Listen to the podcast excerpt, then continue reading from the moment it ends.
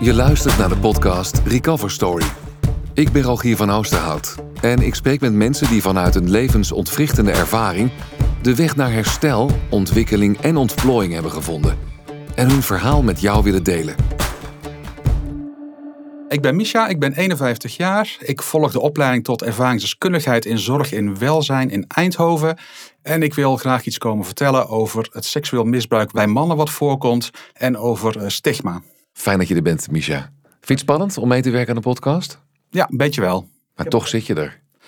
Ik zit er wel, want ik vind het belangrijk dat het verhaal wat ik te vertellen heb, dat dat uh, ja, bekend wordt. Dat dat uh, door andere mensen ook uh, gehoord wordt. Ja, want dan beginnen we meteen al met een groot punt. Ik denk dat veel mensen inschatten dat dat meer bij vrouwen voorkomt dan bij mannen. En misschien wel zoveel meer dat we eigenlijk te weinig weten van hoe vaak seksueel misbruik bij mannen voorkomt.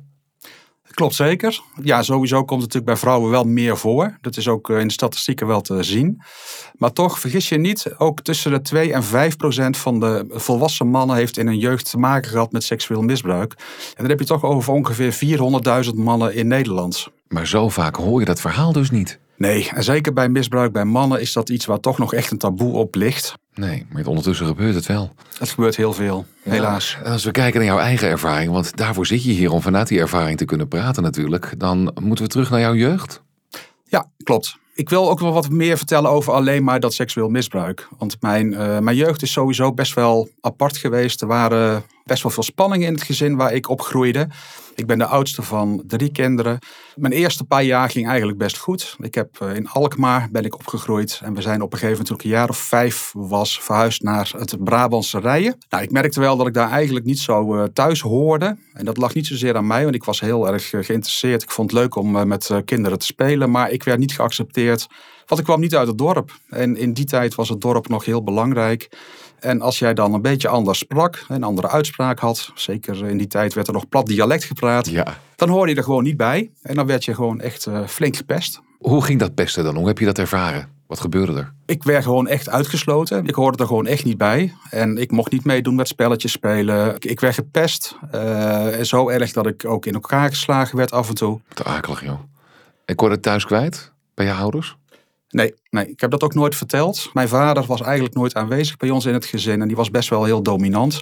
En die had best wel losse handjes. Dus die uh, sloeg ons geregeld. En ik heb eigenlijk al heel vroeg geleerd dat ik uh, ja, heel erg op moest letten op mijn omgeving. Om niet een pak slaag te krijgen. Hè. Was, dat was thuis, maar ook dus op school. Dus ik heb een hele angstige jeugd gehad. En ik kon daar eigenlijk bij niemand echt mee terecht. Jeetje, dat betekent dat je altijd op je tenen moet lopen. Om ervoor te zorgen dat je in ieder geval niks zou ontlokken ook thuis, kan ik me voorstellen. Ja, klopt absoluut. Ik heb me altijd aangepast. Altijd gekeken naar wat de andere wel niet zou denken of zou voelen bij mij. Ik heb echt voelsprieten ontwikkeld om te voelen wat een ander wilde. Daar ben ik gaan naar gaan leven. Ja. Ik deed dus ook nooit goed wat mij betreft. Omdat ik altijd het idee had van ja, als ik, als ik niet uh, goed genoeg ben, ja, dan uh, krijg ik slaag. En daar blijft het niet bij, want je had het net over seksueel misbruik. Er is er nog veel meer op je pad gekomen. Nou, toen ik wat ouder werd, zijn mijn ouders gescheiden. Nou ja, mijn vader was er al nooit, zei ik net. En toen was hij natuurlijk helemaal weg. En op dat moment was er een oom die dacht van... hé, hey, die jongens, daar wil ik er voor zijn. Die, die wilde ons aandacht geven. Ik heb een broer en die had al langer contact met hem. En ik was daar best jaloers op. Ik had zoiets van, dat wil ik eigenlijk ook wel. Dus ik heb er eigenlijk best wel moeite gedaan om ook bij hem uh, aandacht te krijgen. En uh, dat is me gelukt. Alleen de liefde die ik van hem kreeg, die had een hele hoge prijs. En hij misbruikte mij dus op seksueel uh, vlak. Hoe oud was je toen? Ja, een jaar of elf. Dus net in mijn eigen seksuele ontwikkeling, zeg maar. Ja. Hoe, hoe, ja, hoe beleef je dat als kind? Ik kan me er zo weinig bij voorstellen als je elf jaar bent. Ik voelde me echt heel erg smerig en heel erg vies. En uh, ik wilde eigenlijk maar één ding en dat was weg. Ik wilde gewoon weg uit die situatie. En ik wilde echt uh, ja, zorgen dat het eigenlijk nooit meer zou gebeuren. En je, je broer, weet je daarvan uh, of, of hij hetzelfde lot heeft gekend? Hij heeft hetzelfde lot gekend. En toen het bij mij gebeurd is, heb ik met hem daarover gesproken. En hebben we dit ja, aan elkaar bekendgemaakt van, joh, wat is er dan met jou gebeurd en, en uh, willen we dat? En toen hebben we eigenlijk zonder dat tegen uh, onze ouders te vertellen zelf gestopt. Ik weet nog heel goed, heel krachtig denk ik op dat moment dat wij zoiets hadden van, joh, wij gaan er van de flat afgooien om te zorgen dat het stopt. Dat hebben we niet gedaan, gelukkig. Nee. Ehm, anders hadden we hier niet meer gezeten misschien. Maar dat was wel het gevoel waar we toen mee zaten. We hadden echt zoiets van die man die verdient het niet meer om verder te leven. En we willen niet meer dat hij met zijn poten aan ons zit. Hoe was het om die herkenning te krijgen? Nou, weet je wat heel raar is bij seksueel misbruik? Dat dat hele rare dingen met je uh, gevoel doet. Want ik voelde me eigenlijk best wel een beetje jaloers ook. Want het was niet meer iets speciaals wat ik had met hem. Dat klinkt heel dubbel, want ik had er aan de ene kant zoiets van: ik wil dit niet. Ik vind het heel vervelend, heel akelig wat er gebeurt. Maar toch kreeg ik wel die liefde waar ik eigenlijk ja, mijn hele leven naar verlangd had. Dat is een hele moeilijke, dubbele situatie voor me. Ook dat ik zelf eh, ja, zeg maar dat contact opgezocht heb. En eigenlijk ook wilde wat mijn broer met hem had. Heeft, heeft bij mij ervoor gezorgd dat ik me daar best wel schuldig over gevoeld heb. Dat ik het zelf eigenlijk uh, veroorzaakt heb. Dat is wat je eraan overgehouden hebt tenminste. En wat zo is het natuurlijk niet. Dit, dit roep je nooit op.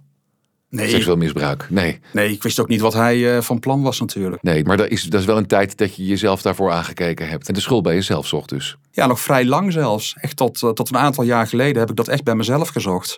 En ik durfde daar ook gewoon niet met anderen over te praten. Omdat ik echt dacht dat het raar was wat ik dacht. Mm -hmm. Ik heb echt gewoon het idee gehad, het is mijn eigen schuld wat er gebeurd is. En ik durfde er gewoon niet over te praten. Tjee, ja. Hey, je zegt zelf, nou, we hebben, we hebben met elkaar gesproken en besloten het zelf te stoppen. Mm -hmm. Hoe hebben jullie dat gedaan? Op de een of andere manier hebben we toch duidelijk gemaakt bij mijn moeder op dat moment, want mijn ouders waren gescheiden, hebben we toch aangegeven, we willen niet meer naar die man toe. En eigenlijk hebben we dat vanaf dat moment ook niet meer gedaan. Heb je, heb je daarna nog een normale ontwikkeling kunnen hebben in een huis waar dan wel je moeder woonde uh, en niet meer de vader waar je je onveilig bij voelde? Uh, met het aan de kant zetten van de contacten met je oom. Is het daarna beter gegaan met je? Nou, eigenlijk niet zo heel erg goed. Omdat ik uh, geleerd had natuurlijk in mijn jeugd om heel erg alert te zijn waar een ander behoefte aan heeft. En sinds de scheiding van mijn ouders is mijn moeder heel erg ingeklapt. Die kon het eigenlijk gewoon niet goed aan. En ik voelde heel goed aan waar zij behoefte aan had. Dus ik ben eigenlijk vanaf dat moment een man in huis geworden. Gaan en zorgen. ben dingen gaan, precies, ik ben gaan zorgen voor een ander. Ja, daarbij heb ik mijn eigen gevoel aan de kant gezet. Mijn eigen behoefte aan de kant gezet. Ik ben ook de opleiding tot verpleegkundige gaan doen. Dus dat zorgen zat er wel echt heel sterk in. Niet om de goede reden, denk ik. Het gaf mij zelfs een stuk bestaansrecht om maar voor een ander te zorgen. Ja, een soort zingeving. Een soort zingeving, ja. ja. ja. Hoe is dat verder gegaan? Je bent op een gegeven moment natuurlijk uit huis gegaan, neem ik aan. Ja, ik ben uit huis gegaan. Al vrij vroeg ben ik gaan studeren in Eindhoven voor de opleiding verpleegkundige. Het was een hele grote stap, omdat ik toen inderdaad gewoon mijn eigen leven kon op gaan pakken. Alleen toen kwam ik er wel achter dat mijn leven toch niet zo heel rooskleurig is geweest. En dat ik dacht van ja, dit, dit gaat niet goed. Ik ben toen eigenlijk al vrij snel ingestort. Ik kon niet meer zorgen voor een ander, dus ik moest echt naar mezelf gaan kijken. Ik kon eigenlijk gewoon mijn leven niet meer leiden. Ik had Nee? toen echt zoiets van, zo wil ik niet meer verder leven. En ik dacht op dat moment een tijd dat de dood de enige oplossing voor mij was om hiermee verder te kunnen. Wat, wat voelde je in die tijd dan? Ja, heel veel wanhoop en heel veel onbegrip. Ik liep overal in vast. Sociale contacten vond ik heel ingewikkeld. Ik heel verder gepest werd. Ja, seksueel contact met anderen vond ik heel ingewikkeld. Want dat deed me meteen denken aan wat er bij mij gebeurd was.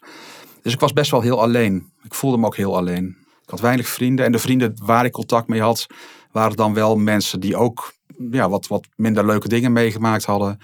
En we hebben toen een beetje, nou ja, ik een beetje, zij wat meer gesnoven aan, aan uh, drugs. Ik had al vrij snel door dat dat niet mijn weg zou zijn, maar hun zijn daar wel in doorgegaan. Maar toen ik dat ook door had, had ik zoiets van: oké, ik moet echt iets gaan doen met wat er met mij gebeurd is. En ik moet me laten opnemen om ja, hulp te zoeken. Ja, dat heb je uiteindelijk ook gedaan. Klopt, ja. Ja, vertel eens hoe, je, hoe en waar je terecht bent gekomen. Hoe is dat gegaan uh, in die tijd? Best wel apart, want ook toen was het al lastig om uh, opgenomen te worden. En ik ben mezelf gaan melden bij het politiebureau. En ik heb gezegd, het gaat niet meer, ik heb hulp nodig. Nou ja, zij stuurde mij naar huis. En toen heb ik gezegd van, ja weet je, ik vertrouw mezelf op dit moment zo weinig... dat ik als ik naar huis gestuurd word, dan pak ik dadelijk een baksteen... en die gooi ik hier door de ruit, zodat ik in ieder geval in de cel terechtkom. Want ik, het gaat gewoon echt niet goed. Ik, heb, ik moet een veilige omgeving hebben. Nou, dat was voor hun reden om te zeggen, we gaan toch uh, jouw hulp uh, aanbieden. Er is een psychiater bijgekomen. Toen ben ik als spoedcliënt opgenomen in de Grote Beek toen in Eindhoven, waar ik toen woonde. En vandaar ben ik naar de Viersprong in Halsteren gegaan. Er was een jongerenafdeling waar uh, jongeren met problemen geholpen werden. Goh. voelde je ook dat je op je plek was op dat moment? Want je, je verlangde heel erg naar die veilige omgeving en naar die zorg. Ja. Kreeg je dat ook? Absoluut. Uh, als ik erop terugkijk, was de viersprong voor mij eigenlijk een hele fijne periode. Ik heb er twee jaar gewoond. Ik werd daar voor het eerst gezien. Ik mocht mijn verhalen vertellen. Ik mocht vertellen waar ik last van had. Ik had contact met andere leeftijdsgenoten. En het was echt een hele veilige omgeving voor me. En na de viersprong, want dit klinkt een beetje als een kentering. Hè? Vanaf daar is het gekanteld. Klopt. Ik ben daarna weer een opleiding gaan volgen. Ik ben gaan werken. Ik heb een relatie gekregen. Uh, er is een zoon uitgeboren. Een tijdje leek het allemaal wel heel goed te gaan. Merkte wel dat dat gevoel echt wel een ding bleef voor me. En dat werk was wel heel aantrekkelijk voor me om daarin weg te vluchten. Als ik maar constant mijn werk aan het doen was, lange dagen maakte, hard aan het werken was, dan hoefde ik niet te voelen en kon ik gewoon mijn ding doen. Ja, maar uh, wel een zoon gehad. Ja. ja. Ook een relatie gehad. Dat op zichzelf vind ik ook wel knap. Hè? Want je had niet de beste herinneringen aan uh, liefde en intimiteit. Nee, zeker niet. Maar ik had natuurlijk wel eh, de behoefte om, om gewoon met iemand samen te zijn. En ook aan een stuk intimiteit en seksualiteit. Ja, en ook om je te binden dus. Zeker ook om me te binden, ja. Ook al was dat heel spannend voor me. En, en, verder, heb je daar bij dat gevoel uiteindelijk toch opnieuw weer ondersteuning gezocht? Ja, heb ik ook gedaan, maar dat heeft een tijdje geduurd. Want ik was aan het werk. Nou, die relatie die ging op een gegeven moment niet, uh, niet goed meer. Uh, ik, ja, wat ik zeg, ik was altijd aan het werk. Dus ik was eigenlijk ook heel weinig in dat gezin aanwezig. Maar ook in mijn werk ging het eigenlijk continu fout. Ik was constant op zoek naar nieuwe uitdagingen. Want dan kon ik tenminste me daarop richten en hoefde ik niet te voelen. En uh, dat ging een tijdje goed. Ja. Tot een aantal jaar ik dat ja, gedaan had. En dan ging het langzaamaan weer steeds minder goed. Waardoor ik iedere keer met een burn-out en een depressie thuis kwam te zitten. Ja, er is een moment gekomen dat je dat gevoel wel in de ogen aankijkt. Het doosje weer openmaakt. Klopt. Ja, ik vertelde dat ik een zoon had. En uh, mijn zoon is, toen hij overgegaan is naar de middelbare school, is het helemaal fout gegaan met hem. En toen is er een diagnose gesteld. Het bleek dat hij PDD-NOS had. Dat is een autisme spectrumstoornis. Hij, hij is eigenlijk sindsdien niet echt meer naar school geweest. Heeft mij heel veel gedaan. Heeft heel veel verdriet eh, opgeleverd bij me. Ook schuldgevoel. Omdat ik dacht van ja, weet je, psychische problemen zitten toch vaak in de familie. Dus ik had wel zoiets van ja, hij heeft dat misschien wel van mij. En uh, het contact met hem was best wel lastig op dat moment. Hij had echt last van zijn autisme en hij vond het moeilijk om met mij het contact aan te gaan. Hij wilde niks, wilde niet naar school, wilde geen therapie, hij wilde eigenlijk niks. En op dat moment had ik zoiets van, Misha, dit is het moment om te laten zien aan hem dat je met je probleem iets kunt doen. En dat je gewoon door therapie te gaan volgen, gewoon weer verder kunt met je leven. Dat is eigenlijk de reden geweest waarom ik in therapie gegaan ben toen. Om eigenlijk hem te laten zien van, joh, het is heel logisch dat je nou niet die confrontatie aandurft te gaan. Maar doe dat nou wel, want het, het, het heeft effect. Je kunt daarna weer verder. Het is je eigen spiegel geweest ook. Ja. Wat mooi. En, en uiteindelijk um, heb jij dus ook laten zien hoe dat werkt. Je hebt zelf ook besloten dat doosje dus open te doen. Ja, klopt. Dat is een jaar of tien geleden nou. Ja, sindsdien is dat doosje steeds meer open gegaan. En wordt er steeds meer, uh, ja, oude monsters van vroeger komen daar steeds meer uit, zeg maar. Ja heeft me nog heel veel moeite gekost. Weer echt met depressies. Weer uh, ja, de gedachte dat ik beter dood kon zijn. Dat ik ja, nooit meer iets zou kunnen bereiken in het leven. Dat ik gefaald had. Dat ik met dat gevoel toch nooit meer in, uh, in contact zou kunnen komen. En hoe ziet zo'n depressie of burn-out, of hoe je het ook wil noemen, er dan uit bij mij? Ik kwam eigenlijk gewoon mijn huis niet meer uit. Letterlijk niet. Ik woon alleen. Uh, dus ik moest wel af en toe boodschappen doen. Maar verder kwam ik mijn huis gewoon niet uit. Ik heb rolluiken, die gingen iedere dag naar beneden. Die bleven dicht. Hele nare periode. Ik zat gewoon echt letterlijk op de bank te wachten tot ik weer naar bed kon. Want dan hoefde ik niks, dan voelde ik niks, dan gebeurde er niks. Had je uitzicht op dat het nog beter zou worden? Had je er al hoop op, zeg maar? Nee, op dat moment niet. Nee. Het enige wat ik nog dacht van, van laat het maar weer nacht zijn. Laat ik maar weer naar bed kunnen. Kan ik maar, dan kan ik slapen. Ik verdoofde mezelf. Ik dronk alcohol. Uh, ik wilde gewoon niks voelen. Dat was, een hele donkere, duistere periode. Ik was toen wel in therapie. Ik, ik, besprak dit ook. Dat ik eigenlijk zei van, weet je, ik heb al zoveel therapie gehad. Ik denk dat het gewoon nooit meer goed komt met mij. En ik denk dat ik gewoon beter maar naar de levenseindelijk kan gaan. Om te zeggen van, het kaarsje mag uit. Ik heb het genoeg. Het is voorbij. Nou, mijn zoon heeft daar wel een rol in gespeeld. Dat ik eigenlijk ook zoiets had van, ik kan voor hem het niet maken om uit het leven te stappen.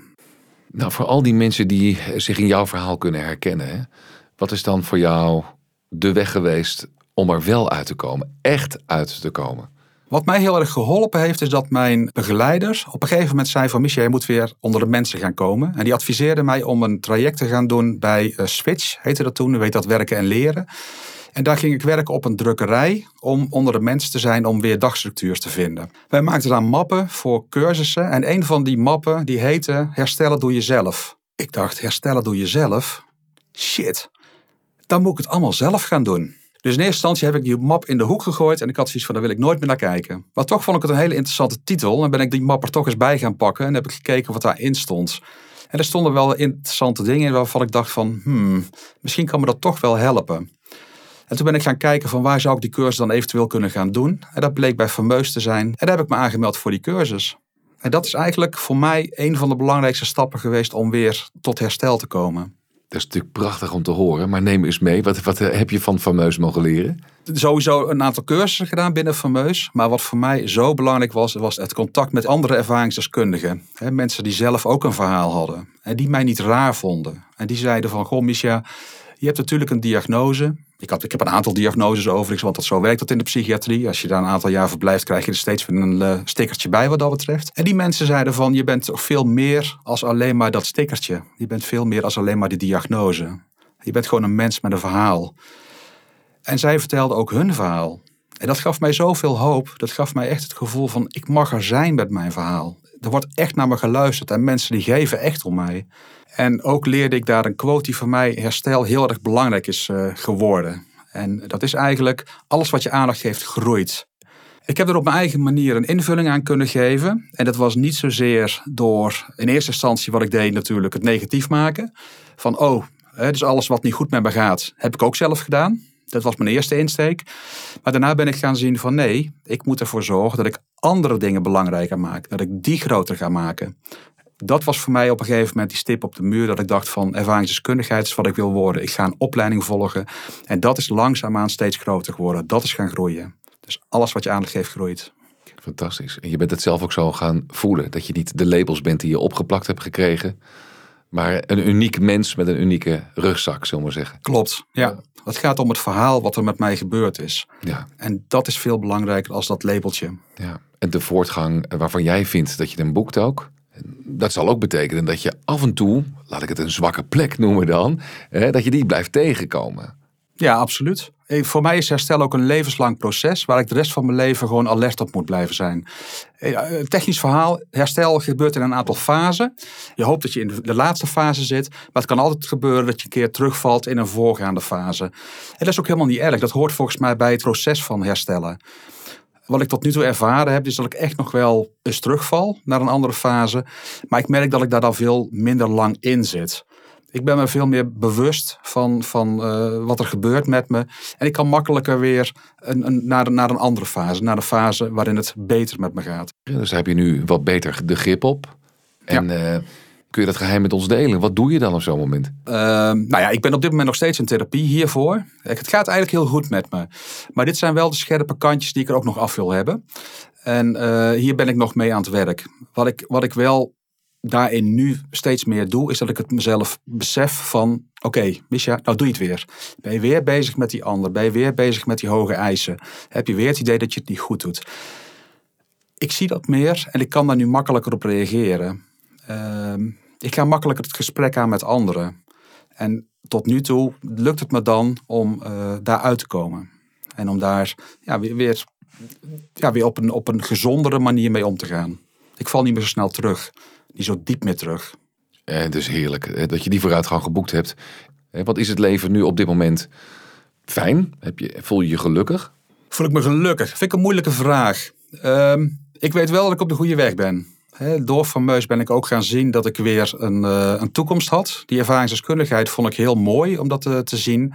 En ik ben me daar meer in gaan verdiepen, ook met behulp van Fameus, om te kijken of dat iets voor mij zou kunnen zijn. En dat bleek voor mij wel een passende oplossing te zijn. Dus ik ben vandaar de opleiding gaan volgen tot ervaringsdeskundige. Omdat ik zelf ook vind dat het belangrijk is dat ik mijn verhaal kan vertellen aan een ander. En dat geeft mij een heel fijn gevoel. Ik heb een toekomstbeeld en ik kan daarbij mezelf inzetten binnen het herstel van een ander. Ja, ja dat, dat is het mooiste wat er is voor mij. Ja, dat geloof ik. Daar zijn natuurlijk mensen die zich in jouw verhaal herkennen. Zoals het natuurlijk altijd gaat als je verhalen deelt. Wat zou je die mensen willen aanraden om te doen? Dus als je zelf terugkijkt of, of nu ervaart dat er sprake is van seksueel misbruik bijvoorbeeld. Mhm. Wat moet je doen? Ja, de belangrijkste les die ik geleerd heb is denk ik dat je het niet alleen hoeft te doen. Zeker bij iets als seksueel misbruik, maar sowieso ook met, met stigma waar je mee te maken gaat krijgen als je allerlei diagnoses krijgt. Blijf er niet mee zitten. Zoek hulp en ga ook uh, naar ervaringsdeskundigen. Natuurlijk ben ik ook best wel voor reguliere hulp. Maar ervaringsdeskundigen zijn zoveel meer, omdat zij zichzelf kunnen inzetten bij jouw herstel, bij mijn herstel. Zo belangrijk. Het zijn echt mensen die, die, die ja, weten wat je meemaakt, die, die dat invoelen, besef je dat je niet alleen bent. Je bent meer als alleen maar de diagnose die je door een psychiater opgespeld krijgt. Herstel is altijd mogelijk. Herstel is niet hetzelfde als genezen. Ik heb een aantal eh, etiketjes gekregen, zei ik al, van de psychiaters. Daar kom ik nooit meer vanaf. Die blijf ik het hele leven bij me houden. Daar zal ik nooit van genezen. Maar ik kan wel herstellen. En herstel is heel wat anders. Want ik kan wel mijn leven op een positieve en constructieve manier weer inhoud gaan geven. En dat is herstellen volgens mij. Dat wil ik graag dat een ander ook ziet. Je kunt herstellen. Iedereen. Mooi zeg. Prachtig. Wat zou jij mensen die nu luisteren willen meegeven? Nou ja, ik begon mijn verhaal met uh, een stukje uh, over seksueel misbruik, waar een enorm taboe uh, op rust. En ik denk dat het heel belangrijk is dat mensen zich dat gewoon realiseren.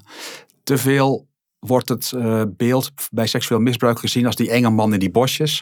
En de meeste gevallen van seksueel misbruik heeft gewoon te maken binnen het gezin of binnen de familie. Het zijn vaak bekenden waar het om gaat. Nou ja, in mijn geval is het natuurlijk ook zo geweest. En ik wil mensen echt meegeven van blijf daar niet mee zitten. In mijn geval, ik voelde me schuldig over sommige dingen. Terwijl het echt niet oké is wat er bij mij gebeurd is. En dat had echt niks met mij te maken. En als het jou overkomt, Voel je er niet schuldig om? Voel je er niet bezwaard om? Vertel het gewoon. Praat erover. Het is de enige manier waarop je er verder mee komt. Dankjewel. Alsjeblieft. Dit was Recover Story. Deze podcast kwam tot stand door Fameus en werd mede mogelijk gemaakt door gemeente Tilburg.